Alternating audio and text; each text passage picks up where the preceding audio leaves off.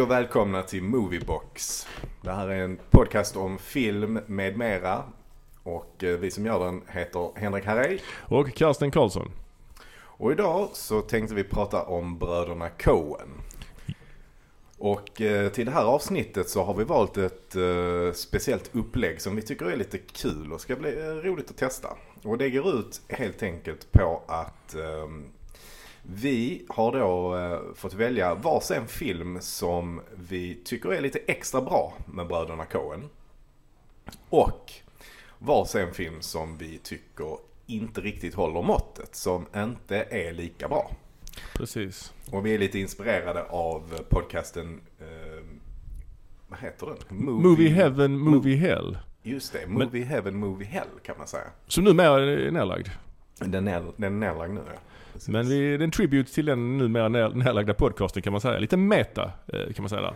Ja precis, och det, det är rätt kul faktiskt. Mm. Eh, och med bröderna Coen så är det ju lite grann sådär att har de egentligen gjort någon eh, jättedålig film? Det, är- det är ju det vi får komma fram till liksom. Ja, ja det, är, det är svårt, svårt att hitta skulle jag säga. En jättedålig film. Eh, både du och jag har ju eh, länge gillat Bröderna Coen och deras, följt deras karriär.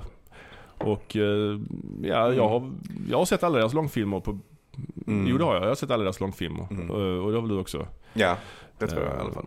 Jo, Och, eh, det har jag. så att man, det är ju intressant för de har ju liksom alltid följt, eh, följt sin egen väg, gjort sin grej. Liksom de, de skriver manusen själva, de eh, regisserar båda två och producerar och redigerar också, klipper ju. Mm. Ju under ett annat namn då, Mm. Roderick Janes kallar de sig när de klipper. Ja.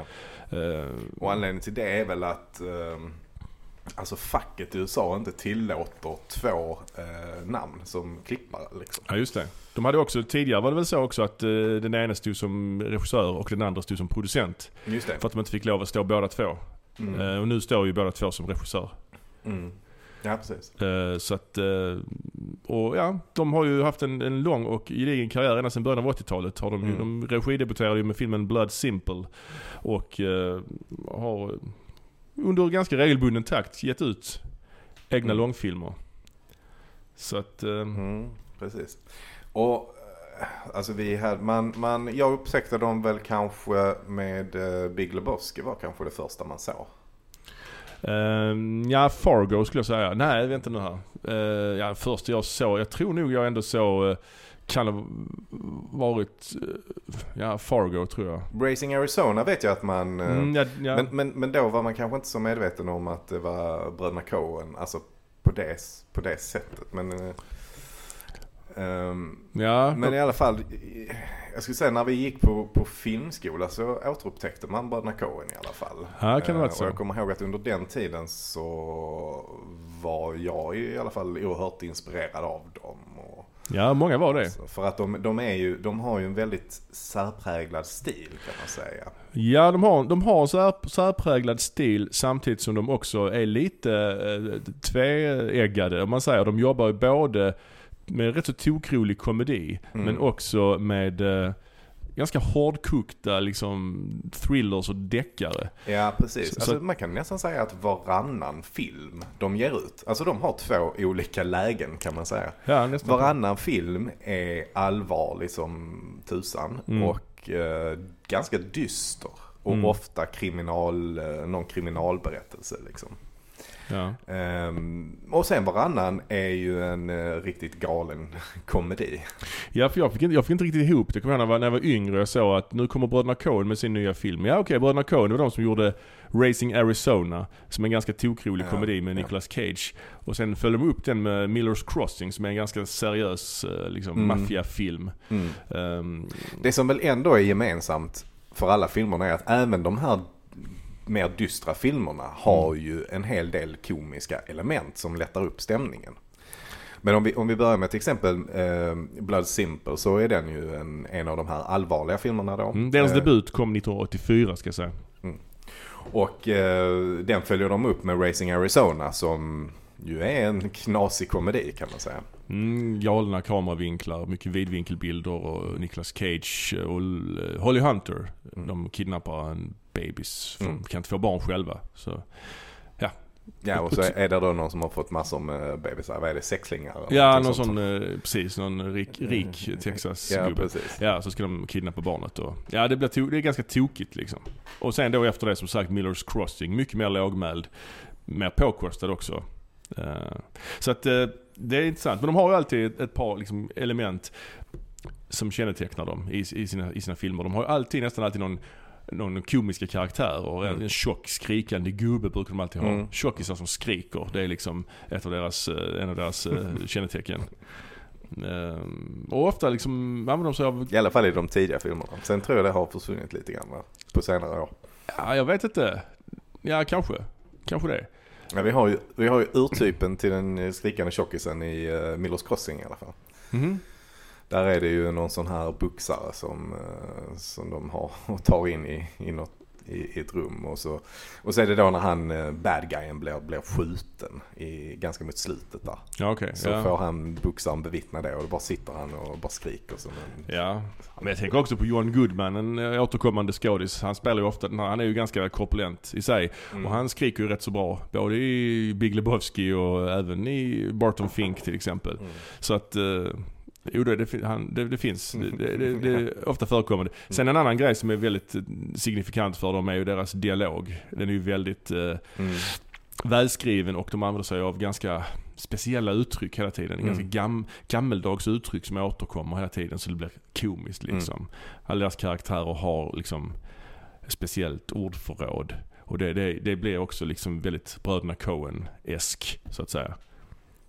Eh, Och, och, och deras manus är ju också väldigt, ehm, alltså det har, det har man ju hört i Big Lebowski till exempel så är ju alla betoningar och sånt Mm, och mm. alla ö och sånt där liksom som när han the dude pratar så säger Mm. han Well uh, the dude uh, is någonting där liksom. Ja, alltså ja. allting sånt är utskrivet i Ja, manuset så att uh, lämnar kanske inte så mycket utrymme till skådisarna på det Nej, men sen krävs ju också en skådis att kunna leverera det såklart. Mm. Men sen har jag hört också att han Ethan, den ena brorsan, att han har träffat på rätt mycket konstiga människor i, i sina dagar. Jaså? Så mycket av det här, eh, av uttrycken och figurerna är liksom baserade på verkliga människor. Ja.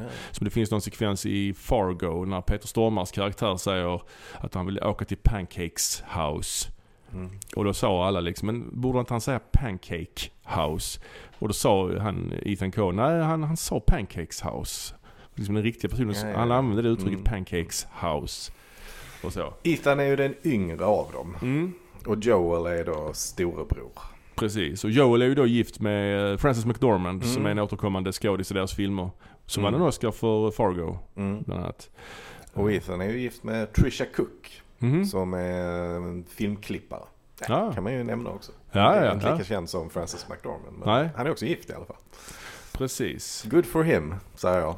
Absolut. Good för båda två. Ja. Ja men eh, bröderna Coen de har eh, haft en eh, karriär med både toppar och dalar rent eh, ekonomiskt. Alltså de hade ju eh, under, eh, under en ganska lång period eh, gjorde de ju filmer som gick ganska dåligt rent ekonomiskt. Mm. De hade många filmer i rad som, som inte spelade in sin egen budget helt enkelt. Både Millers Crossing, Barton Fink och The Hudsucker Proxy. Det är tre filmer i rad där som blev Ja. floppar ekonomiskt. Eh, och även uh, Hudsucker Proxy fick ju inte speciellt bra kritik heller. Eh, Så att eh, det var ändå, ändå eh, tur att de har fått lov att fortsätta. För filmen efter Hudsucker Proxy blev ju Fargo, Mm. som blev en väldigt stor hit. Som både vann en Oscar för bästa manus och bästa kvinnliga huvudroll och, Mm. och blev en liksom, ekonomisk succé. Mm. Sen efter det har det ju gått bättre. Liksom. Nej, det var väl lite, lite avbrott i tiden där va? De, det tog ett tag eh, liksom efter Hudsucker Proxy innan Fargo kom. Har jag för mig. Ja, inte så, bara ett par år Ett par år faktiskt. De har, Ja. Annars har de hållit sig ganska, ganska intensiva i, i utgivningstakten. Mm. Men eh, de Har brukar... du deras timeline där? Jag har deras timeline, vi kan ta den snabbt här. Det är alltså då Blood Simple 1984. Sen är det Racing Arizona 1987. Millers Crossing 1990. Barton Fink 91. Hudsucker Proxy, eller Strebern på svenska, Mm. 94. Fargo 96. Big Lebowski 98. Oh Brother Where Art Thou 2000. The Man Who Wasn't There 2001. Intolerable Cruelty 2003. Lady Killers 2004. No Country for Old Men 2007. Burn After Reading 2008. Serious Man 2009. True Grit 2010. Inside Llewellyn Davis 2013. Hail Caesar 2016. Och till slut The Ballad of Buster Scruggs 2018. Så det är ju väldigt intensiv takt Ja, det är alltså. intensivt faktiskt. Och den här sista Det- filmen kommer ju eh, på Netflix kan vi säga. Ja. Eh, direkt på Netflix. Mm. Men ska vi då gå över till själva vårt uppdrag och presentera det? Eh, och eh, jag tänkte att jag kan ju börja. Ehm, jag har då valt det som då är min Movie Heaven. Alltså en film som jag tycker är lite extra bra av Bröderna Coen. Den jag har valt ut är då Barton Fink. Ehm, ja, så då kan vi ju dra lite grann vad, vad den handlar om helt enkelt. Ehm, det är ju då New York, 1940-tal. Barton Fink då är en ung hyllad pjäsförfattare från New York då som begår sin eh, debut på teatern Eh, till lysande recensioner. En ny röst inom teatern har eh, kommit, kommit fram. Eh, hans agent fixar ju då ett jobb till honom då som manusförfattare i Hollywood. Och efter lite betänketid så bestämmer han sig för att ta det. Han vill väl egentligen inte det. Men han, han kan inte tacka nej till pengarna. Så att han beger sig till Los Angeles och eh, känner ju ingen där direkt och checkar in på ett hotell. Och merparten av den här filmen utspelar sig på det här hotellet. Och vi kommer ju dit ganska snabbt också. Mm. Det är ju fortfarande första akten och det är bara en kort introduktion med alltså att, han, att han då är en pjäsförfattare i New York och på teatern där. Och det, det, det, är liksom, det som han har kommit fram som är någon som ska liksom skildra verkligheten för, eh, för vanliga människor egentligen. Han vill, det är den rösten som han, eller det, det är de människorna han vill ge en röst eh, åt i teatern. Eh, Så att han, han, det är väldigt viktigt för honom att han är folkets eh, man och eh, det är det han skriver om. Något som förekommer här är ju fishmongers hela tiden. Mm, uttrycket ja. Uttrycket fishmongers, alltså Ja. som säljer fiskförsäljare. Ja. Men han ska skriva ett manus. Mm, han, hans agent fixar jobb till honom eh, för att skriva eh, manus till då en eh, filmstudio då, som heter Capitol Records. Pictures. Är, eh, Capitol Pictures, ja precis. Records eh, var det inte. Nej. Det finns nog på riktigt. Capitol. Ca- eh, Records ja. Ja, men Picture, Capitol Pictures är ju ett påhittat eh, filmbolag. Kommer återkomma längre fram här. Eh, men han kommer då till hotellet i alla fall och installerar sig här på hotellet. Eh, han eh, träffar då Steve Buscemi som är portiären på det här hotellet.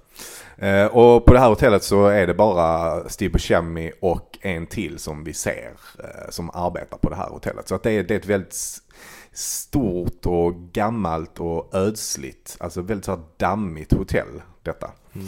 Eh, Men oerhört eh, snygg scenografi här får man säga. Med Ja. massa art deco-möbler och... Ja men just det här dammiga och, och, och slitna är ju fint att titta på eh, faktiskt. Ja. Eh, Men han, eh, han får sitt rum då och eh, sätter sig och börjar skriva och så kommer då, eller så hör han en massa ljud från grannlägenheten. Och han stör sig på det och ringer då ner till eh, receptionen för att säga, för att klaga på det liksom. Och så, och så ringer då de upp och så hör han liksom genom väggarna, för det är väldigt lyhört det här hotellet. Så hör han genom, genom väggarna. Alltså, hur den här personen då på andra sidan svarar liksom, Mm. och blir förbannad. Men, det- men jag tycker det här gråtet som man hör, eller vad det är, Mm. alltså det är så Mm. svårt att höra. Är det skratt eller är det gråt som man Just hör det. från grannlägenheten? Ja. Ja, men grannen blir då eh, förbannad och går, går in och knackar på hos Barton Fink. Och det visar sig att det är John Goodman som är grannen. Och i filmen heter han Charlie Meadows. Just det. Och han visar sig vara en försäkringsförsäljare. Ja. Tokrolig. Tokrolig, precis. Ja men en väldigt så här, de, de, eh, de bondar där ganska snabbt kan man säga. Sa du att det var John Turturro som spelar Barton Fink? Nej det har jag nog inte sagt än. Men det är John Turturro som spelar Barton Fink. Ja, precis. en återkommande skådis i, i Coen-universumet kan man säga. Mm, han är med i filmen som kom innan också, Millers Crossing. Ja. Och även känd i Big Lebowski och, och Brother Mm. Thou. Mm. Precis. Eh, och han ska ju också nu göra någon slags uppföljare till Big Lebowski. Ja, med den karaktären. Just det, alltså. Jesus Rolls skulle den heta Mm. Jag har sett någon teaser-trailer till den alltså. Ja, han har ju regisserat lite. Ja, han skulle regissera den ja. Just Nu det. på senare tid har han ju varit upptagen med eh, Transformers. Ja, Där är han ju med. ja. Bra betalt antagligen. ja. Men han har, ju, han har ju även regisserat en del filmer själv. eh, Romance and Cigarettes bland annat. Ja. Han var också med i den här eh, HBO-serien The Night Off Mhm. med han Riz Ahmed. Mhm. Eh, Den blev ganska hyllad. Jag tyckte den var eh, ganska överdriven. Det handlar om en kille som eh, hamnar i fängelse och John Turturro är hans advokat då. Han har väldigt dåliga fötter, John Turturro. Han har ett eksem på fötterna hela tiden. Han håller på I Ja. serien eller på riktigt? i serien. Så har han en pinne, han sticker ner sina skor jag för mig för att klia sina fötter. Det är Mm. rätt äckligt så. The Night of. Jag känner igen det alltså, men Ja. jag kan inte riktigt placera den. Nej, jag tyckte det var lite överdrivet. Så fort han hamnar i fängelset så liksom en vecka efteråt har han en halstatuering och sen så... Ja det, det går snabbt där. Jag tyckte inte det var så bra. Okej. Skitsamma. Barton Fink. Vem är, det, vem är det mer som är med? Ja, han Riz Ahmed. Det är han som är med i Rogue One. Han spelar piloten i Rogue One. Han som också spelar bad guy i Venom Okej. och lite sånt. Okej. Ehm, ja, för att när han, när han då väl träffar eh, John Goodman så uh, bondar de ju mer och mer och John Goodman är ju uh, super, supertrevlig. Och han är Ja. ju verkligen en eh, folkets man då, eh, Charlie Meadows. Men det Ja. intressanta är att i deras eh, diskussioner och så, och deras samtal så, så lyssnar ju aldrig Barton Fink på honom. Utan Barton Fink bara Mm. öv, eh, liksom, avbryter honom och Mm. bara verkligen lyssnar inte. Eh, för att sen är det i alla fall att eh, Barton Fink får ju då träffa den här filmproducenten i, eh, i nästa scen och där får han ju då uppdraget att skriva en wrestlingfilm. Ja, det är roligt att det är wrestlingfilmer. Precis som att det är en genre. En, en gångbar genre. Ja. Ja, men, ju- ja. men på den tiden så, det är, det är 40-tal och, Mm. och, och den här typen av B-filmer det gjordes ju på, på löpande band i Hollywood. Ja, ja, liksom. ja. Men just wrestlingfilmer vet jag inte om det gjordes. Nej, någonting. den genren eh, känner jag inte till. Men Nej, eh, det, är, nej. det är roligt att det känns som att det är sådana filmer som folk vill se. Och då får den här, liksom, han är en väldigt finkulturell pjäsförfattare hyllad och så ska han då skriva liksom det lägsta av det lägsta så att säga i, inom genrefilmen då Mm. så att säga. Ja det, det är Mm. kul. Och där träffar han ju då filmproducenten som sagt som spelas av Michael Lerner. Eh, Mm. Som eh, gör ju verkligen en eh, jättebra insats. Mm, Mr Lipnick. Oscarsnominerad faktiskt. Han den. blev Oscarsnominerad ja. för den. Eh, och hans eh, underhuggare John Polito som Just det. även har en eh, ganska stor roll i Miller's Crossing också. Eh, så att de här två filmerna hänger ihop lite grann med varandra tycker jag. Miller's Crossing och Barton Fink. Alltså just att de utspelar sig. eh, Miller's Crossing är under förbudstiden så det är lite tidigare liksom. Men, men, eh, men det är många återkommande skådespelare. Men det var väl så också att när de, de hade väl problem när de skulle skriva Miller's Mm. Crossing så fick de ju skrivkramp. Precis. Och då kom de på idén till Barton Fink då som handlar om en författare med skrivkramp lite grann. Så Mm. den, de filmerna kom ju så nära varandra. Mm. 90-91 liksom. det, det var ju så att de, de kunde ju inte reda ut. För att Miller's Crossing är ju, är ju oerhört avancerat manus. Just att det är Mm. en, en sån där invecklad uh, heistfilm kanske man kan säga att Miller's Crossing är. Mm. Ehm, och de fick liksom inte ihop hur de skulle eh, liksom klura ut det på, på ett eh, smart sätt.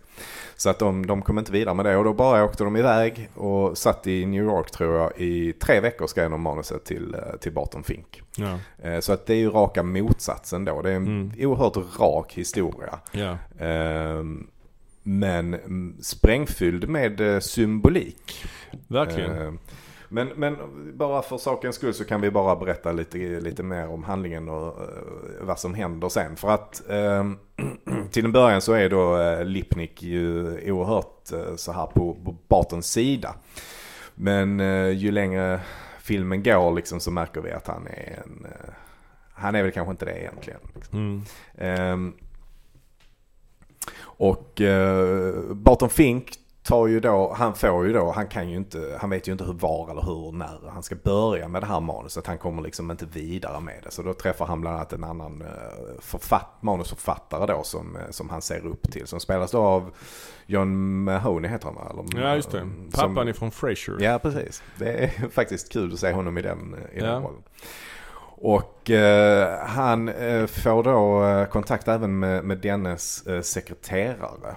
Eh, och så eh, får de även en liten romans bakom ryggen på eh, Frasers pappa då. Ehm, Mm. och sen så händer det ju något märkligt och det är att när hon är på hans hotellrum för att hjälpa Mm. honom att skriva så hamnar de i säng med varandra och på morgonen efter så när Barton då vaknar så upptäcker han att eh, hon är död i sängen bredvid honom. Precis. Och ligger där i en eh, blodpöl. Ja. Barton får panik och eh, eh, men, men så kommer eh, Meadows, Charlie Meadows, John Goodman och Mm. eh, kommer in och hjälper honom. Eh, och gör sig av med liket. Den blev ju chockad naturligtvis. Ja, och vi har ju inte fått se någonting av eh, mordet eller, eller så, eller hur hon har dött. Nej. Eh, Men han blir chockad och eh, Charlie Meadows kommer in och hjälper honom och gör sig av med, med liket åt honom. Mm. Ehm, och sen, det som händer sen är ju att vi, vi får reda på att polisen är Barton på spåren på något sätt. De frågar om den, här, den här kvinnan och så. Ehm, och sen nästa, nästa sak som händer är att ehm, eh, Charlie Meadows, eh, nej så här är det. Charlie Meadows eh, åker iväg, han ska åka till New York eller någonting sånt. Mm. Och eh, sen träffar vi de här poliserna och de berättar då för honom att Charlie Meadows är egentligen en annan person. Madman Munt heter han. Munt, ja precis. Ja. Eh, som är en eh, galen seriemördare. Eh, och, och då när de är och förhör Barton Fink så återkommer då eh, Charlie Meadows eller Madman Munt. Eh, och i uppgörelsescenen där så eh, skjuter han båda de här poliserna. Och det är ganska intressant. Precis innan han skjuter den sista polisen så Mm. säger han även Heil Hitler. ja, just det. Eh, från, Ja. från ingenstans. Och det har inte förekommit några, några nazireferenser tidigare i filmen utan det är, det är bara där och då som det, Ja men precis. som det händer. Eh, eh, efter att Charlie Meadows då, eller Madman Munt, eh, hjälpte Barton Fink eh, innan, alltså med att göra av med liket och innan han åker iväg så ger han också eh, Barton en, ett paket, Mm. en, en låda. Eh, som han säger är hans eh, tillhörigheter. Eh, men det får vi sen reda på att det inte är. Utan han säger då att, eh, att han bara ljög. Det här var inte hans grej. Att det här är, Mm. det, det här är Bartons. Liksom. Och vad, vad, som, vad som finns i den här lådan det vet vi inte riktigt. Nej. Eh, men man kan ju tänka sig att det är eh, den här eh, Audrey heter ju hon sekreteraren som eh, Barton får ihop det med. Det. Och man kan ju då tänka sig att det är hennes huvud som ligger där. Ja, för det är ju mycket snack om huvuden hela tiden i den här filmen. Mm. Alltså, han pratar om han här... Barton själv säger ju att han lever the life of the mind till Ja. exempel. Och det finns ju väldigt många, alltså, väldigt många referenser till huvuden. Ja och han eh, Lipnick, eh, filmbolagschefen, säger att eh, liksom, han vill ha det som finns i Bartons huvud. Och, ja det är mycket snack om huvuden Mm, hela tiden mm. helt enkelt. Och, ja och han, Charlie Meadows har ju problem med öronen och han har någon Mm. bomull i örat. Och, Ja, det är hela tiden, hela tiden Mm. snack om huvuden. Och sen om man tittar, tittar då på eh, ho- hotellrummet, Bartons hotellrum, Mm. eh, så är ju det också att det, man skulle kunna, att det ser ut lite som ett huvud med de här två fönsterna som då utgör ögonen. Ja, ja, ja. Som, alltså, Ögonhålorna liksom. Ja just det, just det. Ehm, Så att eh, filmen skulle kunna ses som en symbol för att eh, alltså allt som händer inne på hotellrummet eller på hela hotellet är eh, inne i Bartons eget huvud. Ja precis, ja. Man skulle kunna det. För att det är någon tavla på väggen som han eh, tittar på ibland. De föreställer en kvinna på en strand. Mm. Och i slutet av filmen så sitter han ju på en strand och då kommer den här kvinnan och sätter sig framför honom precis som på tavlan. Vilket då indikerar kanske att allting Mm. har varit Mm. i hans huvud. Mm. Och, Precis. han har också, och han har också den här lådan med sig på stranden då. Som, som är ett huvud. Ja det. Ja, för det är en scen ganska tidigt i filmen där han liksom bara, bara däckar egentligen. Alltså innan eh, alla händelserna med Munt och filmproducenten eh, utspelar sig. Så bara, så bara däckar han och eh, svimmar typ i sängen. Och så, Ja, liksom. Ja. Så att man, man skulle kunna se det som att allting som händer efter det bara pågår i hans huvud. Ja. Men man kan också se allt det här som egentligen en Faust-historia. Det vill säga att han, eh, att han säljer sin själ till Mm. djävulen. ja. Eh, när han då skriver på för det här filmbolaget. Ja. Eh, att det då är som att han säljer sin själ till djävulen. Ja. Ehm, och det, det finns ju mycket sådana här djävuls eh, eh, i det här. Liksom. Mhm. Till exempel så varje gång, eller att då Munt, Charlie Meadows är djävulen. Mm. Eh, till exempel varje gång han kommer så, så blir, det, blir det varmt. För det är väldigt varmt på det här Ja, hotellrummet just det. hela tiden. Ja. Eh, de svettas eh, jättemycket båda två. Mm. Bartons tapeter på väggarna börjar liksom ja, just det. De lossnar. Alltså de lossnar och Ja. det här tapetklistret liksom börjar rinna ner. Så, Mm. så han har problem med sina tapeter. Ehm, och det försvinner ju sen när, när eh, Charlie Meadows åker iväg. Ja. Eh, men sen direkt när han kommer tillbaka igen och skjuter de här två poliserna så blir det jättevarmt och då sätter han ju även eld på hela hotellet. Mm. Precis, det börjar brinna. Det är verkligen in, alltså, helveteslikt, infernaliskt eller vad ska man Ja, säga. precis. Ja, Sen är det ju även en uh, liten sån här djävulssymbol också och det är ju att när han ska, han bor på sjätte våningen då, Barton Mm. Fink. Så när han ska gå in i hissen så, så säger han då våning 6 please. mm. Och så säger eh, han som uh, hissoperatören då, han säger uh, våning 6. Och så åker de upp. Och sen när de då är framme så säger man nu är vi på våning 6. Mm. Så det är då 666 Just där i, eh, i Vilddjurets tecken. Vilddjuret. Ja. Ja. ja, precis. Ja, den här filmen är ju, den tillhör ju, måste man ju säga, ändå de absolut bästa de har gjort. Den är ju väldigt sparsmakad. Det är ju nästan, merparten av filmen är ju i det här hotellrummet. Eller mycket av filmen är det. Sen är det också när han är på möten i, på, på filmstudion och så vidare. Men mycket är ju i det här rummet. Det är ganska klaustrofobisk känsla med liksom de här tapeterna som rinner ner för väggarna. Och det är de två karaktärerna liksom. Som är så olika varandra också. En, en tjock och en smal och en, en som pratar och en som inte lyssnar. Och, ja, det, det är bra. Och, och de här bild, alltså fotot är ju fantastiskt också. När, Ja. liksom hur, de, hur de visar de här milslånga hotellkorridoren. Liksom. Ja, precis. Eh, och det är ju Roger Deakins som Ja. har fotograferat och det är ju första gången som han eh, fotar med eh, bröderna Coen. Men det Mm. visar sig sen att det skulle bli ett väldigt långt samarbete och han har fotat nästan alla bröderna Coens filmer efter det. Ja, Ehm, och, ja han är eh, en legendarisk eh, filmfotograf får man väl säga. Ja, men detta var ju en av hans första Hollywood-filmer. Så att han Mm. var ju inte, han var ju inte så stor innan det. Nej. Eh, men sen så fotade han ju också den här eh, Hudsucker Proxy. Mm. Och det var ju där han träffade eh, Tim Robbins. Ja, Som eh, faktiskt var den som ordnade jobbet till honom som fotograf på Shawshank Redemption. aha. Det, så det var ju för att eh, Tim Robbins kände till honom. Okej. Och nu idag är han ju, liksom knyter man honom eh, till sitt projekt så är det ju typ en garant för att eh, projektet ska bli finansierat liksom. Och Ja, att okej. man kan knyta fler andra stjärnor till det också. Ja, Ryan ja. Gosling har till exempel eh, sagt att eh, en anledning till att han valde att göra eh, Blade Runner 2049 Mm. var att det var Roger eh, Ja. som, som var, var kontrakterad som fotograf. Ja. Och den var ju också hans första Oscars.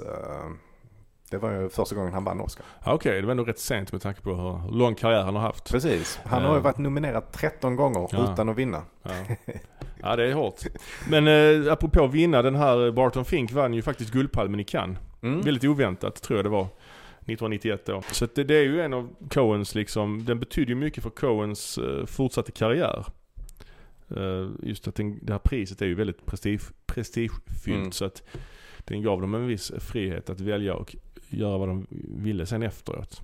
Ja, men det, det, som jag, det som jag också tycker är bra med den är ju att eh, jag tycker Barton Fink är ju en jäkligt intressant karaktär. Alltså det är, och jag tycker det är intressant att man på något sätt ändå gillar honom fast att han inte har några goda sidor alltså överhuvudtaget.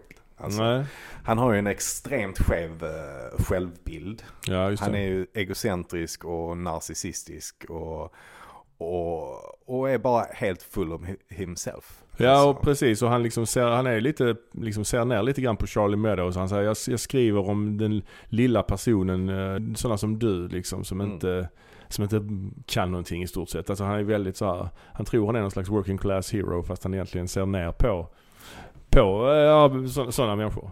Känns det som. Ja, det, det, det, är en riktigt bra film. Det är en av deras absolut bästa. Mm. En av 90-talets bästa filmer, kan man säga så? Ja, det skulle man nog kunna säga. Ja. Uh, och just, just det här också att de, att de eh, ändå lägger in rent komiska scener i, i det här som är ändå ganska, ganska Mm. Ganska mörkt ju ändå. Ja, men det är ju detta. Både, både, uh, ja. Men det är mycket komiska scener. Till exempel när han, när han då, han lyckas ju till slut skriva det här manuset och är superduper nöjd med det liksom. Ja. Um, och då firar han ju det genom att gå ut och dansa. Och då är det en rätt komisk scen när han uh, dansar helt galet på ja. i någon sån här bal. Ja. Både liksom eh, John Turturro och John Goodman de har ju väldigt speciella utseenden. John Turturro i den här filmen har väldigt hög frisyr. Mm. Alltså, han, ser, han är väldigt lång och smal verkligen. Mm. Och John Goodman är ju som John Goodman är liksom. Mm. Ja, då ska jag välja, eh, berätta om den film som jag har valt då som jag anser vara en av de absolut bästa Coen-filmerna och det är väl kanske deras mest hyllade film egentligen. Det är ju filmen No Country for Old Men från 2007 som eh, faktiskt vann en Oscar för bästa film.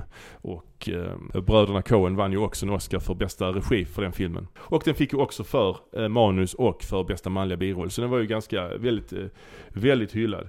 Ehm, och den här filmen är lite speciellt med den här filmen, No Country for Old Men, är ju att den är, den är baserad på en litterär förlaga. Eh, boken med samma namn av Cormac McCarthy. Cormac McCarthy som även gjort uh, The Road till exempel. Mm. Som är väldigt, väldigt känd. Ja, det är en hyllad nutida författare får man säga. Ja det får man säga. Och den här filmen den är ju en slags, så kallad liksom en, en modern western kan man säga. En neo-western eller något sånt kan man säga. Den utspelar sig 1980. Vilket inte är kanske jättetydligt alltid. För filmen är ju, den utspelar sig ju i, i, eh, i Texas och den, eh, den, den, är liksom ganska tidlösa miljöer ju. Mycket mm. natur, mycket folk i liksom jeans och cowboyhattar. Eh, och så har ju folk sett ut där nere rätt länge. Så att, mm. men, men det finns ju en, en, del grejer som, som är viktiga att det är 1980, som gör, gör det viktigt att det är 1980. Att det är ju att folk inte har mobiltelefoner och så vidare. Och den handlar om eh, en man som heter Llewellyn Moss. Eh, som spelas av eh, Josh Brolin. Josh Brolin som vi känner igen från, eller känner igen gör vi inte, men han är för Thanos i eh, de här Marvel-filmerna. Alltså han är inte riktigt likadan ut som han gör här ju såklart, men i alla fall. Och han, han råkar, han är en Vietnamveteran, ganska liksom, ändå ganska Butter skulle man väl kunna säga. Ja, butter. Um, ja, det kan man göra. Men han är inte helt mesig liksom. Han är ingen Barton Fink-figur. Utan han, han är, kan ändå ta vara på sig själv eh, hyfsat. Absolut. Vi eh. träffar ju honom när han är ute och jagar. Ja, exakt. Eh, så att vi, vi säger att han är duktig på att hantera eh, ett vapen. Men eh, dock så går det inte så bra när han jagar. Nej. Men det är ju för, det är första gången vi, det är den första scenen liksom ja, som ja. introduceras till honom. Um, och, och, här är ju Dickens-fotot eh, väldigt ja. påtagligt. De här vyerna, Texas-vyerna med liksom öknen, prärien eller vad man ska säga. Och, ja, det, det är väldigt vackert. Taget i skymning och gryning. Uh, och, men i alla fall, han... Alltså, storyn går egentligen ut på att han, Llewellyn, han snubblar över en uh, drug deal gone bad kan man säga. Mm. Han hittar en resterna av en uppgörelse ute i, i ödemarken. Massa folk som blivit skjutna och där hittar han också en, eh, en väska fylld med pengar. Som han eh, då ska lägga, eh, lägga, han lägger rabarber på kan man säga. Mm. Men vad han då inte inser är ju att han har en, den här väskan är ju riggad med en spårningsutrustning. Så, och det finns då en person som är, är ute efter väskan som heter uh, Shigurg. Ett konstigt namn. Anton mm. Anton Shigurg. väldigt, väldigt märkligt namn. Men han spelas, Shigur. Shigur. Ja. Han spelas ju av Javier Bardem. Eh, som då, eh, som vi sa, vann Oscar för sin roll här i den här filmen. Och han är ju väldigt obehaglig eh, psykopat egentligen. Mm. Ser väldigt speciell ut, väldigt speciell frisyr, väldigt omskriven frisyr. Mm. Sån slags prins Valiant frisyr kan man säga. Och han är klädd liksom i jeans, cowboy boots. Och eh, det han använder sig av, han, han, har ett par vapen han använder sig av. Det mest eh, karaktäristiska är ju den här, han har en, en tub med sig, en, en tank, syrgastank. Ja, ja eh, lufttryck. Lufttryck, ja precis. Han, han går omkring med, med ehm, en, en sån här apparat som man då avlivar kor med. Mm. Eh, alltså som, som då med hjälp av lufttryck så, så är det då ett munstycke som skjuter ut en liten projektil då. Mm. Som dras tillbaka igen. Så att det blir en, en, en kort eh, stöt liksom. Jag tror Tommy Lee Jones pratar om det senare i filmen också. Ja just det, liksom. just det. Och han använder också den till att öppna dörrar med ju. Mm. Ta sig in i Mm. folks rum genom att slå, av, slå, slå in låset liksom med den. Och polisen vet ju inte vad de ska tro när de hittar folk med liksom stora hål i huvudet men de hittar ingen kula så de Mm. fattar liksom inte riktigt hur, hur, hur, det, hur det hänger ihop. Sen har han ju också ett, ett gevär som han använder sig av med en gigantisk så här, ljuddämpare Mm. på. Som han skjuter folk med. Alltså det är en hagel, uh, hagelsprakare. va? Ja, ja, ja precis. Med ljuddämpare. ja det är, väl- oerhört märkligt. Ja. Eh, sättet, ja men det, det, ja. Det, är, Och det, här- alltså hela, film, hela filmen är ju liksom en slags katt och råttalek för att använda ett uttjatat uttryck. Den är liksom väldigt långsamt berättad. Det är väldigt mycket alltså, scener utan dialog där han, Mm. han Llewellyn liksom tar sig iväg, ska gömma sig med sina pengar och han tar in på ett hotell, eller motell egentligen och stashar eh, väskan upp i, ventilationssystemet. Och det är en ganska lång scen där när han knyter snöre runt eh, handtaget på väskan och skjuter in den där och sen går han ut och hyr rummet mitt emot för att kunna ta in väskan i det rummet. Alltså det är väldigt så långa, långa sekvenser med, med honom. Samtidigt som det också är ja, ganska... och, och det är roligt, man fattar ju inte överhuvudtaget vad han pysslar med här liksom. Nej, För att kunna göra det så måste han ju då köpa sådana här eh, tältpinnar. just det, just Och det. man fattar ju inte, vad ska du med tältpinnarna till? Ja, och så är det en massa dialog där för att han kan inte köpa tält, tältpinnarna utan att köpa ett helt tält. Mm. Så får han köpa ett helt tält. Ja, han vill köpa, köpa det tältet med flest pinnar. Han vill ha det säger han.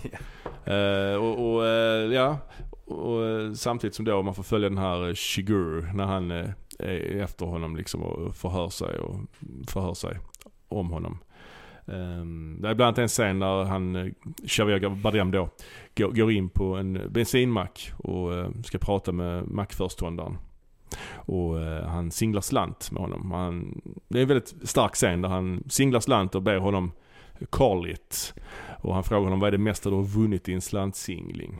Ja det är, det är väldigt, eh, Mm. väldigt starka, bra scener alltså. Ja, verkligen. Eh, ja, men det, det är ju hans kännetecken just det här att han låter människor uh, singla slant om uh, han ska döda dem eller inte liksom. Mm, Och han är ju en oerhört uh, rätt igenom ond människa, den här Mm. Shigur. Han är Ja. ju en psykopat. Liksom. Verkligen. Och han, Bardem spelar ju såklart oerhört bra och eh, han har bra, väldigt bra uttal också. Alltså man hör, han känns ju amerikan. Alltså han, Alltså jag tror inte det är meningen att han ska vara. Alltså, man ska nog bara inte veta var, alltså, var hans accent är ifrån. Liksom. nej, nej För jag tycker inte det låter som att han är infödd Texasbo. Det tror jag inte heller han Nej, ska nej, vara. nej, nej, inte, i och för sig inte. Men, Eh, eh, men, men jag tycker att han maskerar sin, eh, sin brytning på ett väldigt bra sätt. Mm, mm. För att det, du kan inte alls placera den. Är det någon östeuropeisk brytning Ja, det, eller är det. det spansk som han är? Så han pratar ju inte alls som en mexikan. liksom. Nej det är det jag menar. Det är jag menar. Det är lätt hänt annars liksom Mm. när en spansk Mm. skådis ska spela i en engelskspråkig film. Ja och sen de stöter ju på varandra eh, här vid något tillfälle och det blir en liten eldstrid. Mm.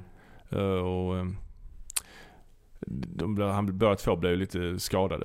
Eh, det är väldigt liksom rough när han Bardem går in på ett apotek och, Mm. snor medicin och går in sig in på ett hotellrum och ska operera sig själv typ. Mm. Eh, och- och- Ger sig själv en massa sprutor med Ja. bedövning och sånt. Ja, det är väldigt, väldigt, väldigt hårdkokt. Likadant när han Llewellyn ska ta sig in eh, i mexikanska, eh, mexikanska grän, över mexikanska gränsen. Är skadeskjuten och han träffar på några ungdomar som han köper en av ungdomarnas jacka och haltar in i Mexiko skjuten. Eh, det är ju jävligt, eh, Mm. jävligt hård film helt enkelt. Mm. Eh, Sen har vi en tredje karaktär också som vi får följa. ja, Tommy Lee Jones spelar ju en sheriff. Och, eh, Tom Bell heter sheriffen. Som då eh, hela tiden liksom är steget efter som, som studerar liksom de här olika crime scenesen som har uppstått i deras... Och lite grann förklarar för Mm. Tittaren vad som händer. Han är ju filmens eh, narrator ju. Kan ja, säga. kan man säga. Mm. Eh, För egentligen så hade man ju kunnat ta bort hela hans eh, Ja, karaktär. ja. Liksom. Alltså, ja, han har ju, han är ju perfekt för den här rollen liksom. Hans ärrade, fårade ansikte. Ja, ja, jag gillar den här filmen supermycket. Den är, den är ju verkligen, det är nog deras, kan man säga deras mest lågmälda, mest hårda film. Ja, alltså jag tycker denna, om vi pratade om innan att de gjorde varannan film eh, så här allvarlig. Så är Mm. det här definitivt en av de allvarliga filmerna. Ja, verkligen. Eh, Kanske den allvarligaste jag. Ja, och precis. Alla, alla så här kom, komiska, humoristiska scener är ju nedtagna till ett minimum. Jag vet inte om som, där är något som är humoristiskt. Ja, där är någon, eh, är någon eh, kvinna i reception eh, som han uh, Shigur ska prata med. Han, Ja. frå, han, frå, han frågar henne om uh, Llewellyn och hon vägrar svara. Hon är ju lite, ser ju lite lustig ut liksom. Hon är säkert någon amatör de har bara tagit in. Men i övrigt så är ju ingen av huvudkaraktärerna roliga eller lustiga. Det är, jag menar Josh Brolin har ju inget komiskt i sig överhuvudtaget. Nej, verkligen inte. Och naturligtvis inte, inte Bardem heller eller Tommy Lee. Jones. Så Sen det, har vi ju även Woody Harrelson i en, eh, i en liten biroll. Ja, han har ju ett par repliker som är lite, lite roliga. Men alltså han, är, han brukar vara komisk ofta. Men ja. det är han ju inte lika mycket i denna alls. ja, men sen är det också intressant att han, han vet man ju inte om att han är med i filmen ens. Alltså han, hans namn står inte med på postern och så, utan han bara dyker upp helt plötsligt. Mm. Så det är ju lite, lite kul. Mm. Ehm, men den här filmen blev deras stora eh, det är någon slags peak här får man säga. Oscar för bästa film liksom. Mm, det, det är ju mm. väldigt uh, prestigefyllt. Även, de, de var ju även Guldpalmen som sagt. Eh, flera år tidigare. Alltså jag säger nog ändå att Fargo var väl deras stora genombrott. Ja, liksom. absolut. Men, men absolut, de pikar nog ändå med denna. Mm. Eh, och det är tio år senare ungefär. ja, Eh, Precis. Någonting, någonting Ja. där i den. ja, de har ju liksom bland stilen. deras, bland deras mest kända filmer så är det ju Fargo och denna. Men också, skulle jag väl säga, Big Lebowski som är liksom Ja. en kult, kultfilm som alla har sett. Den har, den har många, många eh, citerade repliker. Så, Ja men absolut. Eh, ja men det finns jättemycket bra med den här filmen. Alltså jag tycker framförallt att de eh, är, gör en jättebra regiinsats. Liksom. Alltså Mm. väldigt så här små saker som eh, de olika karaktärerna gör. Alltså jag tänker, jag tänker på en scen där precis i början. Den är ju väldigt, väldigt utdragen. Han, när han jagar det här skadeskjutna djuret som han har skjutit och på det sättet hittar precis. den, den här eh, knarkuppgörelsen gone bad. Ja. Eh, och där träffar han, eller där är det ju en som lever. Mm, en det, mexikan som sitter i en bil som lever. Som säger då agua. Ja, just det. Och sen så senare på, på, så kommer han ju hem och gömmer pengarna i sitt hus och sånt. Och så ligger han på, på, på natten där och kan inte sova. Och så bara säger han typ okej. Och så bara reser han sig upp och går iväg. Och det är för att han liksom har så samvetskval för att han inte Ja. kunde ge den här mexikanen vatten. Ja. Och därför bestämmer han sig för, för att åka dit och ge honom vatten. Och det är då han, då har ju de andra liksom som letar efter pengarna kommit dit. Och Ja, så det. blir han ju eh, jagad som av, Ja, av dem. Men jag tycker bara den är så, det, Mm. det är så jäkla bra. Man, man, man lär sig så mycket, man förstår så mycket om Mm. den karaktären. Liksom, att han bara ligger där och kan inte sova. Ja. Och sen så bara, bara med ett enda ord, okej. Så bara fattar man så mycket. Ja, visst. Ja, verkligen. Och det har ju också, det är ju deras första riktiga adaption. Eh, Förutom om man inte räknar Oh Brother Where Art Thou som är baserad på Odysseen. Men det är ju, liksom, Mm. det är ju väldigt löst baserat. Det här är ju liksom en Ja. modern bok. Boken kom ju bara ett par år innan den här filmen liksom. Så, att, så det, det har ju också kanske lite att göra med att Mm. den är så, så pass allvarlig. Att Mm. det inte är deras verk från början så att säga. Mm. Ja. ja. En annan grej som jag gillar väldigt mycket det är ju han Anton Chigurh, han eh, har vi ju sagt, han, han kan ju öppna dörrar med, med och liksom skjuta ut låskolven då. Ja. Ehm, och, och det har vi ju fått se honom göra. Mm. Och sen så när då eh, Tommy Lee Jones karaktär som är dem på spåren hela tiden. Han, eh, han förstår ju det här. Han, han, när han går in i Llewellyns hus då. Så har Mm. ju Anton Chigurh tidigare öppnat med, med, med det här. Ehm, och så ser han ju att det har blivit ett sånt märke i väggen. Just för det. att den här låskolven åker ju med sån extrem hastighet. Ja. Så att det här, det här är ju planterat. Mm. Och sen så kommer det ju en annan scen då, i, eh, lite mer i mitten, slutet på filmen, när uh, Shigur jagar um, uh, Llewellyn och de, de är i någon annan stad, jag vet inte vilken stad de är i. Någon, El Paso tror jag. El, El Paso ja. Ja. Eh, och då sitter ju, eh, då, då, då, då vet ju Llewellyn att eh, Shigur ska komma, så han sitter ju med vapnet mot Mm. dörren. Men det han inte vet är ju att Shigur kan liksom skjuta ut låskolven och han sitter precis framför låskolven och får ju den på sig där. Ja just det, just det, just det. Eh, och jag tycker bara det är så fint eh, planterat Ja, tidigare ja. i filmen. Liksom, att vi vet vilken jävla kraft den här kommer med. Och Ja. så får han den rätt på sig. Eh, Ja. det, är- det är rätt snyggt tycker jag. Ja verkligen, verkligen. Ja men detta är en film som man kan, man kan se många gånger. Det, det skulle jag säga. Det är, eh, eh, ja, Mm. en av de bästa från Mm. det här årtiondet, 00-talet menar jag. Och sen är den ju totalt osentimental. Alltså Mm. han, liksom, han dör ju mot slutet, uh, Llewellyn. Ja. Eh, och då, det får vi inte ens se den här shootouten som... eh, Nej, han dör ju väldigt oväntat. Det är ju verkligen bara han, man får säga det som händer. Alltså man får Mm. säga liket, man får inte säga Mm. när han dör. Det är ju väldigt Ja. oväntat grepp liksom. Hur är ändå huvudpersonen i Mm. filmen. Eh, det, det, det är verkligen. Och sen är det ju jävligt hårt i slutet när, när hans fru kommer hem sen. För han har ju, Shiguro Mm. sagt att han ska döda frun. Han, han hotar Han- ju Llewellyn med att döda frun om inte han får pengarna. Eh, och därför han ber henne sticka ju och så. Mm. Men, men sen när hon kommer hem så sitter ju han Shigur i, i eh, hennes sovrum med liksom vapen. Och så säger, mm, säger varför är du efter mig? Min, min, han är ju död redan liksom Llewellyn. Ja men jag lovar honom att jag skulle döda dig. Mm. Och det är liksom att han, hans, hans logik där Ja. att hotat med döda frun för att det är det värsta som kan hända dig. Och trots att han redan själv är död Ja. så ska han ändå döda frun. Och hon spelas ju av Kelly MacDonald. Ja, som hon- ju är eh, från Skottland. Precis. Och hon tycker jag däremot har en extremt bra dialekt. Ja, verkligen. Hon pratar ju verkligen som en eh, Texas, eh, Ja. Texas gal. Verkligen. Och sen är det, det är också en sån slantsinningsscen som återkommer där ju. Men hon Mm. vägrar ju Mm. säga om det är krona eller klave. Man får ju aldrig veta vad som händer där. Han går ut sen bara. Han, han vet nog inte hur han ska hantera det när hon vägrar säga krona eller klave. Mm. Ja, riktigt bra. Ja, och sen så avslutas filmen då med att uh, Tommy Lee Jones uh, reciterar en dröm han har haft. Mm. Eh, som väl då eh, på något sätt, det är, det är ju därifrån titeln kommer. Just det, just no det. country for old men. Ja, för han berättar att han är äldre än vad han är, hans egen pappa blev. Mm. Mm. Ja, det- Och egentligen att tiderna förändras och att han inte riktigt hänger med. Men att det egentligen inte är så utan det är bara att han blir gammal väl. ja, Eller hur ska ja. man tolka det? Ja, ja, kanske. För han, de pratar ju i, när han pratar med, han träffar ju sin bror vid något tillfälle, eller vem det nu är. Det kanske är hans eh, farbror eller han Mm. träffar någon släkting som eh, Mm. sitter i rullstol. Just det, Eh, just och så det. berättar han ju om någonting som inträffade på 1910-talet. Mm. eh, med deras släkting. Att det var någonting med indianerna som avrättade någon. Ja, eller vad det var. Liksom. Han spelar som han som spelar eh, generalen i War Games. Den gamla Mhm. filmen. Mhm. Jag vet inte vad skådisen heter. Nej, nej. Nej men det är ändå en bra anekdot Karlsson. Ska vi gå vidare nu? Ja, det gör vi. Då går vi över till, eh, till de här filmerna som vi har valt som vi inte tycker är särskilt bra då. Ja, nu, om man får rätta dig lite där. De är ju, jag tycker ändå de är bra. Fast de är ju inte så bra som Coens bästa filmer.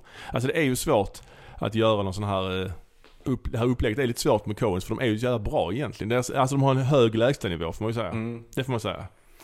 Jag eh, vill nog ändå säga att den filmen jag har valt inte är särskilt bra. Och det är Intolerable Cruelty. Men, men eh, Ja. du, du, får göra din, eh, du får göra din poäng på varför den inte är så dålig då helt Ah, enkelt. den kom 2003 ska vi säga. Ja, den kom 2003. Så det var, det var filmen som kom efter... Eh, ja, de hade gjort Big Lebowski och sen hade de följt upp med The Man Who Wasn't There. Ja, och Brother också först. Oh Brother menar jag, Ja. inte Big Lebowski. och sen. Man Who Wasn't There. Just det. Så de hade ju, de hade ju stor succé med framförallt Oh Brother. Ja, precis. Och där, här återkommer ju George Clooney då som spelar huvudrollen i Oh Brother. Mm. I den här filmen. Just det. Så det är George Clooney och Catherine Zeta-Jones Precis. eh, som, eh, som spelar huvudrollerna här. Och George Clooney han är en skilsmässoadvokat då. Han är liksom den eh, allra hetaste och bästa skilsmässoadvokaten i Los Angeles. Medan Zeta-Jones då spelar en eh, kvinna som då har gift sig till, till pengar. Hon gift sig med en rik man då. Och hon har då eh, filmat honom, sin man, under eh, här komprometterande omständigheter. När han då är otrogen. Så, så, ska, så blir det då en eh, skilsmässa och det ska göras upp i rätten. Men eh, den här maken då, Mm. han anlitar George Clooney. Eh, och George Clooney ser då till att eh, Zita Jones inte får någonting alls av hans eh, pengar. Ja precis, för han är ju en så riktig, en av höjdaradvokaterna. Miles Massey heter han. Eh, Just det. Och han, han, eh, han är ju känd för sitt eh, äktenskapsförord. Mm, The Miles mm. Massey prenup som är omöjligt att kringgå. Det är det bästa äktenskapsförordet som finns. Ja, precis.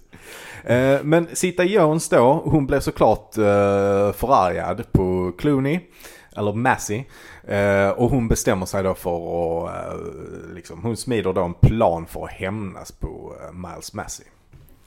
Eh, och, och det här som kommer nu är en väldigt, väldigt eh, snillrik plan. Mm. För att det här går då ut på att hon ska få George Clooney att bli kär i henne. Eh, och vilja gifta sig med henne. Men han ska ändå ha så pass mycket förtroende för henne. Mm. eh, Så att han ska gå med på att inte ha något äktenskapsförord. Men detta får vi ju inte veta. Nej, det får vi inte veta Alltså i förväg. direkt så. Nej. Nej. Eh, Så att, men i alla fall för att få honom att, att vilja gifta sig med henne. För han är väl redan kär i henne, det har hon nog redan eh, förstått. Liksom. Ja precis. Eh, Men då i alla fall så anlitar hon en eh, såpaskådis som spelas Mm. av Billy Bob Thornton. Eh, och han ska då spela någon slags oljemagnat eller en arvinge till en sån här stor oljemagnat i Texas då. Ja. Eh, som hon då ska gifta sig med. Ja, och de gifter sig och under bröllopet så eh, väljer ju den här mannen, eh, alltså Billy Bob Thornton att riva äktenskapsförordet. Ja. Och, då- då, f- och sen skiljer hon sig ifrån honom och blir då jätterik. Ja. Tror George Clooney. Och eh, då inser han att hon har jättemycket pengar. Precis. Och sen så, Och då tror han ju hela tiden att hon har mer pengar än vad han har. Liksom. precis. Så därför, när de sen gifter sig, för det gör de Ja. i eh, Las Vegas. Ja, hon har ju så här fem efternamn nu. Hon har ju kvar alla sina före detta mäns efternamn. Det är rätt roligt.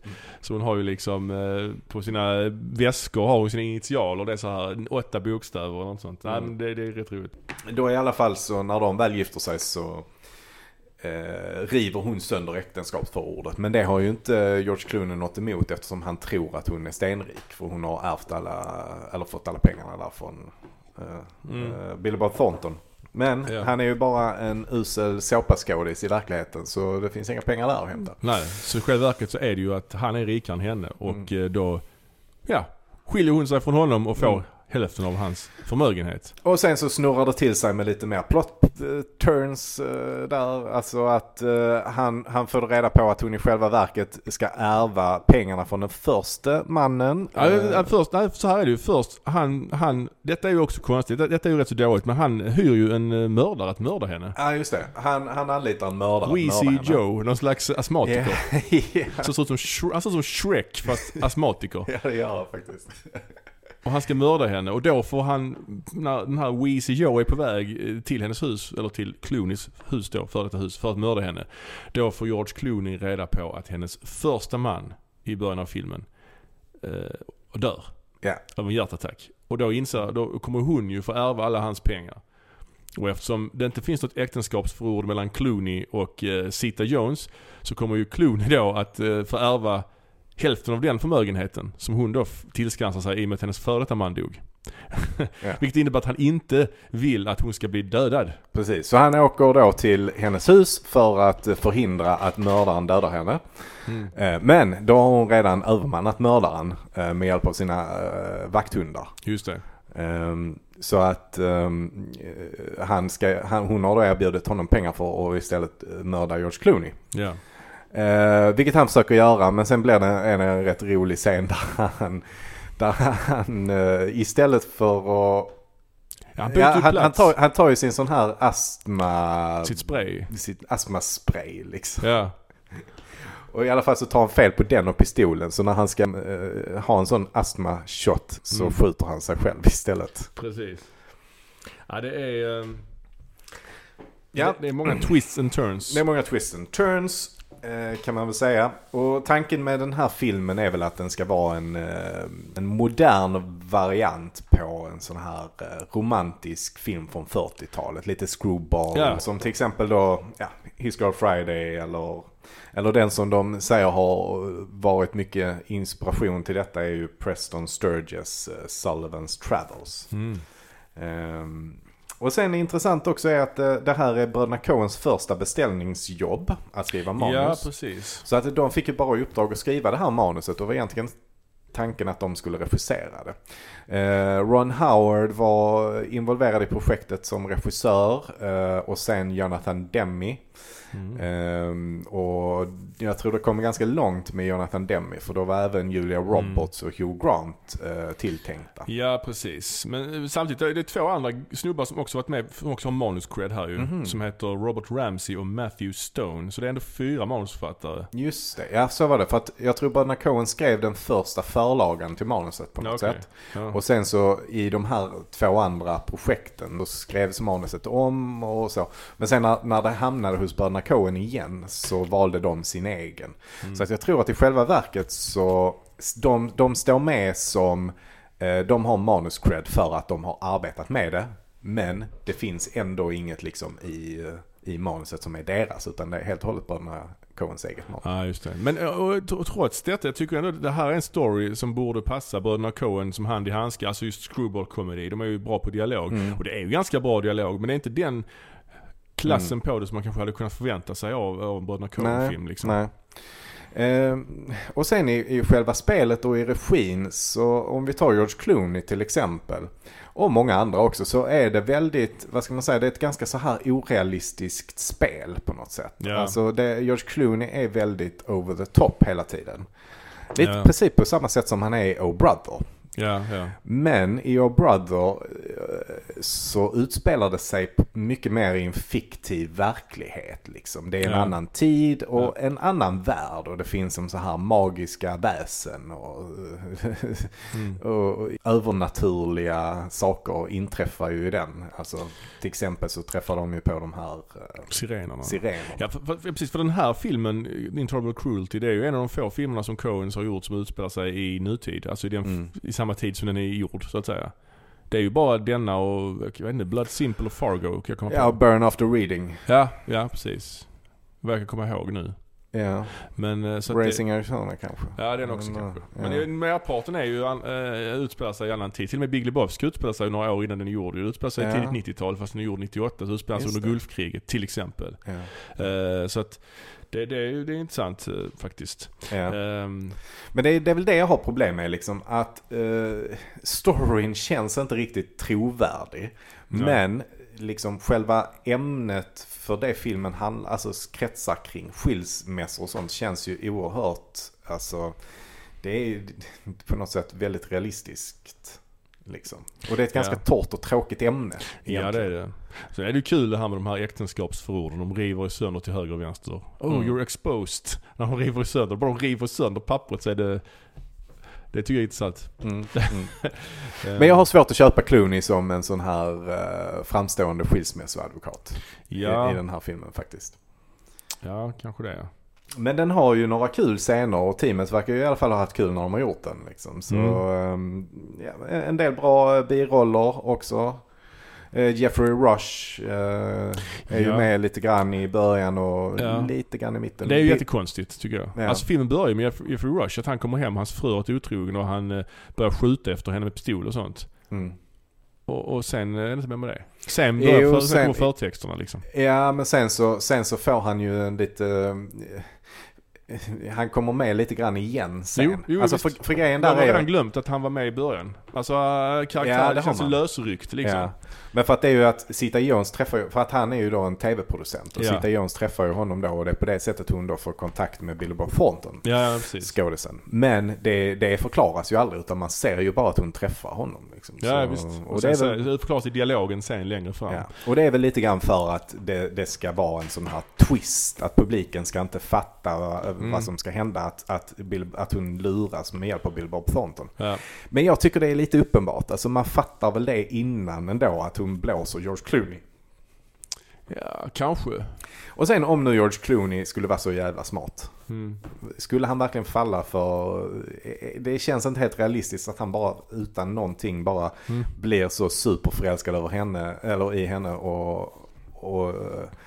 köper det med eh, skils, eller det här prenupet. Nej, precis. Nej, jag har svårt. Eh, jag, har, jag har svårt faktiskt för den. Eh, och jag tycker heller inte att skämten är så jätteroliga. Här och där finns det en del roliga scener som till exempel när den här mördaren istället för att ta sin uh, astmaspray så tar han en pistol och skjuter sig i huvudet. Liksom. Alltså det, ja, ja, ja. Det, det är ganska kul faktiskt på, på ett morbid sätt. Men, men, eh, men på det stora hela så tycker jag inte att den, eh, den funkar. Nej. Vad, vad säger du Karsten? Ja, jag, jag tycker att, jag, jag såg om den, jag har sett den två gånger. Eh, jag tyckte, jag hade glömt bort en hel del av handlingen när jag såg den. Jag tyckte ändå det funkar rätt så, rätt så jag tyckte det, den var lite konstlad. Hela det här med, eh, det här med äktenskapsförord, hela den drama, dramatiken kring dem. Det känns lite konstlat. Det känns som en konstruerad eh, problematik. Men sen tyckte jag ändå det var rätt så kul med de här twistsen i slutet. Dels med, först med, med Billy Bob Thornton och sen med att eh, hennes man dog som gjorde att hon blev rik och han var tvungen att försöka hindra det här mordet han själv beställt. Det tyckte jag var ändå rätt, lite kul sådär liksom. Eh, även om, ja. Men samtidigt, absolut. Jag tycker den tillhör ju absolut deras svagare kort. Mm. Det tycker jag onekligen. Dess, Eh, Kanske det svagaste. Kanske. Jag har, det, jag, det, finns, jag har inte sett den här Burn After, After Reading på väldigt länge. Jag har bara sett den en gång när den var ny. Så att den har Mm. jag inte sett om. Eh, Men den filmen jag har sett, som jag då anser som den svagare, det är då filmen Hail Caesar från 2016. Och den utspelar sig ju i, under 50-talet, under Hollywoods Golden Age, under studiosystemet. Um, utspelar sig på faktiskt Capitol Pictures, alltså samma filmbolag som i Barton Fink. Mhm. Och huvudrollen spelas av eh, eh, Josh Brolin, precis som i den andra filmen jag valde, No Country for Old Men.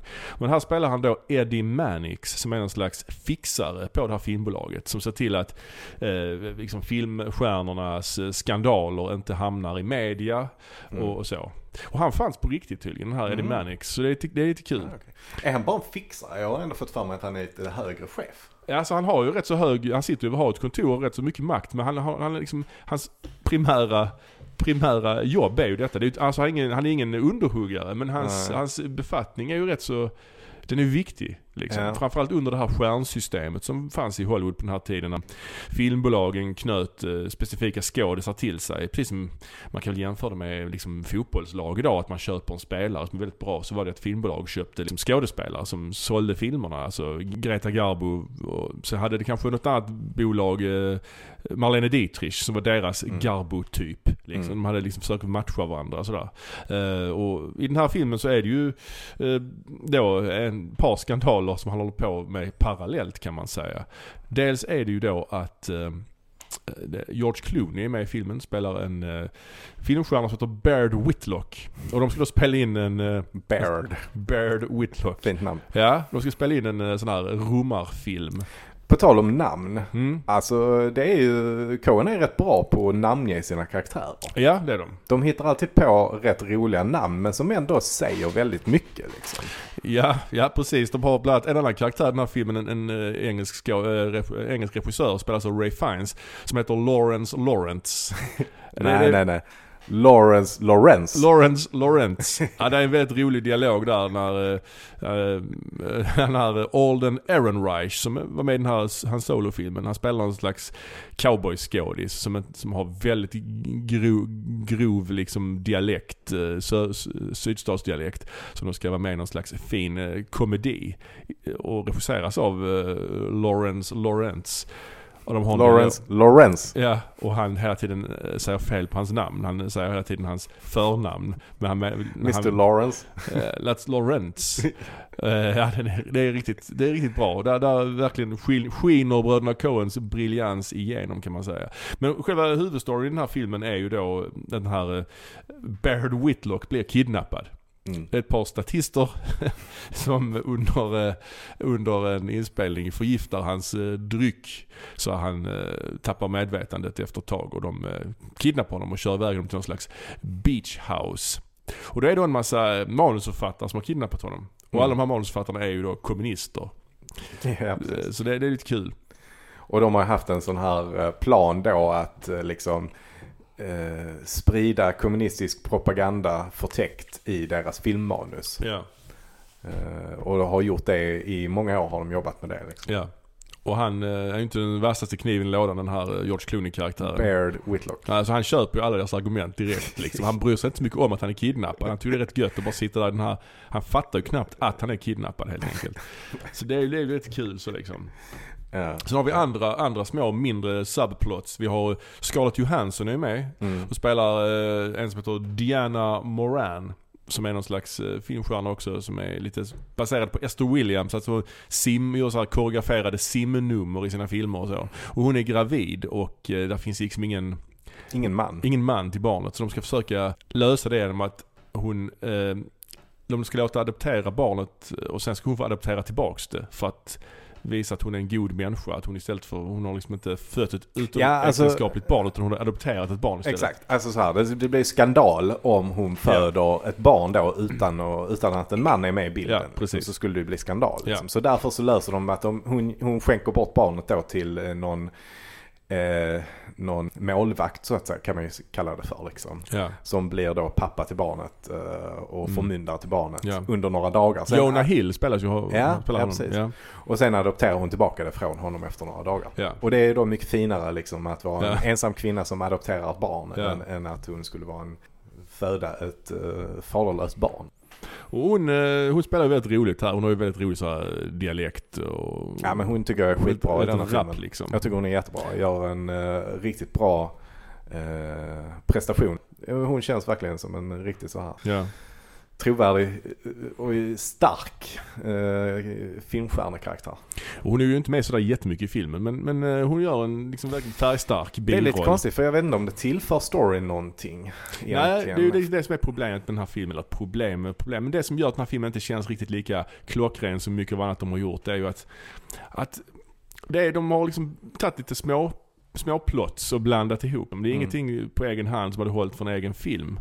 Eh, och det är ju Josh Brolins karaktär som är den röda tråden då som, som allting kretsar kring. Att, men man märker också att de har haft bra budget här till den här filmen. Mm. Det är ju, det är ju inspelat, de har ju skildrat det här filmstudioområdet och st- stora scenbyggen och fina kostymer och sånt. Så att, alltså kul att se, väldigt rolig metafilm på det sättet. Men kanske innehållsmässigt är den inte jättestark. Utan det är ju mest Mm. på ytan. Men en annan del av Hollywood än Barton Fink. När Barton Fink fokuserade på författaren så fokuserade detta på själva studiosystemet. Eh, Den har ju faktiskt vissa likheter med uh, Tarantinos senaste tycker jag. Eh, Mm, Once kanske. upon a time in Hollywood. Ja men eh, mm. lite. Jag tycker den, den visar liksom eh, hur Hollywood fungerade. För det är ungefär samma tid. Alltså Once upon Ja, ja. det är lite senare såklart. Mm. Men, men det är närliggande. Alltså, Ja, är inom en tio- 20 år- 10-20 års... Ja, eh, 15, ja precis. Jag tänker också på den här Altman, eh, The Player, mm, lite grann. Men sen är absolut roligaste birollen, eller absolut roligaste, men en rolig miniroll är ju då eh, Christopher Lambert. Ja. Som, ja. som är med, som då är då far till, eh, allegedly då är far till eh, Scarlett Johanssons eh, barn. Och han spelar då en svensk regissör som heter Arne Slessum. och det. det som gör det ännu roligare är ju då att han är från Malmö. Ja, Så han nämner att han, är från, han har en familj i Malmö. Just det. Det tycker jag är kul. Och det är mycket därför det inte får komma fram det här med eh, Scarlett Johanssons barn. För Ja, att det skulle ju sabba, sabba Ja. för honom lite. Så det är kul. En annan rolig grej. Christopher Lambert är ju mest känd för filmen Highlander från 1986. Och där han spelar odödlig skotte, kortfattat. Mm. Och antagonisten i den filmen spelas av Clancy Brown. Som också Mm. är med i Hail Caesar. Mm. Som spelar eh, en, en av de här Baird romar. Whitlocks eh, Exakt. kollega där ja. Exakt, så att Mm. båda, båda Highlander-huvudpersonerna Ja. är, är med i den här filmen. Ja, Som en liten ganska- trivia kan man säga. Ja. ja, faktiskt. Ja, nu när jag tänker efter. Alltså, jag kan inte alls komma på vad Christopher Lambert, Lambert eller Lambert mer har gjort. Alltså, han har, har inte han gjort någonting med Luc Besson också? Han är otydlig, Lambert. Lambert eller, man tror ju att han är fransman, men han är ju inte det. Han är ju amerikan alltså. Eh, nej, han är kanadensare väl? Nej, han är amerikan alltså. Men han ja, pratar ju... Han, fast han är uppvuxen i Frankrike. Ja det är han. Han är nog, hans pappa är fransk. Eller något Ja. sånt. Han är från New York egentligen alltså. Men eh, han jo, men det är väl bara att han är född i New York tror jag. Ja okej, men hans, jag tror han, hans mamma är väl amerikan ja. Och, eller? Ah, skitsamma egentligen. Men ja, skitsamma. han, men, har gjort någon Luc Besson-film som är rätt hyllad, Subway. Ah, det är den. Subway. och sen uh, gjorde han Highlander. Sen, Men Mm. han har ju inte riktigt lyckats. Alltså, det- Night Moves. Ja, alltså han pickar väl med Highlander kan man säga. Ja. Fortress liksom.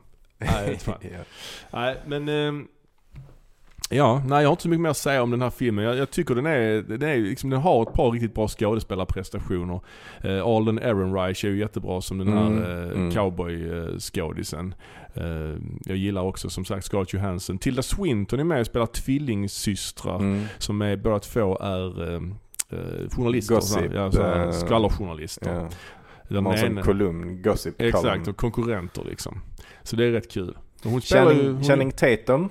Ja, han spelar ju någon eh, sån här musikal eh, eh, dansskådis, lite Gene Kelly typ. ja.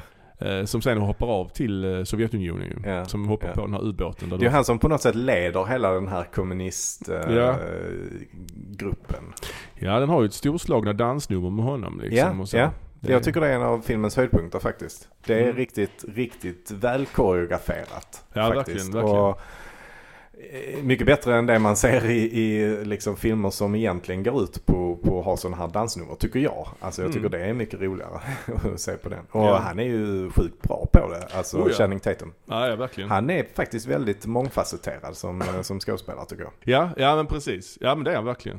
Ja men jag, jag tycker inte den här filmen är dålig. Men, men om man jämför det med vad Coen har presterat, eh, Coen-bröderna Mm. har presterat under sin långa karriär så tillhör det ju absolut de svagare. Håller den högre än Intolerable Cruelty måste jag säga. Det. Definitivt, definitivt. Denna, Ja. är, denna är på en mycket, mycket högre nivå. Men på det stora hela så, så håller den inte ihop riktigt. Nej. Och det, det är väl också bakgrunden till den här filmen var väl också lite grann att det här var ett sånt manus som, som de har hållit på att skriva på i 10-20 år säkert. Och de Mm. har alltid pratat om att de har velat göra det. Ja tydligen.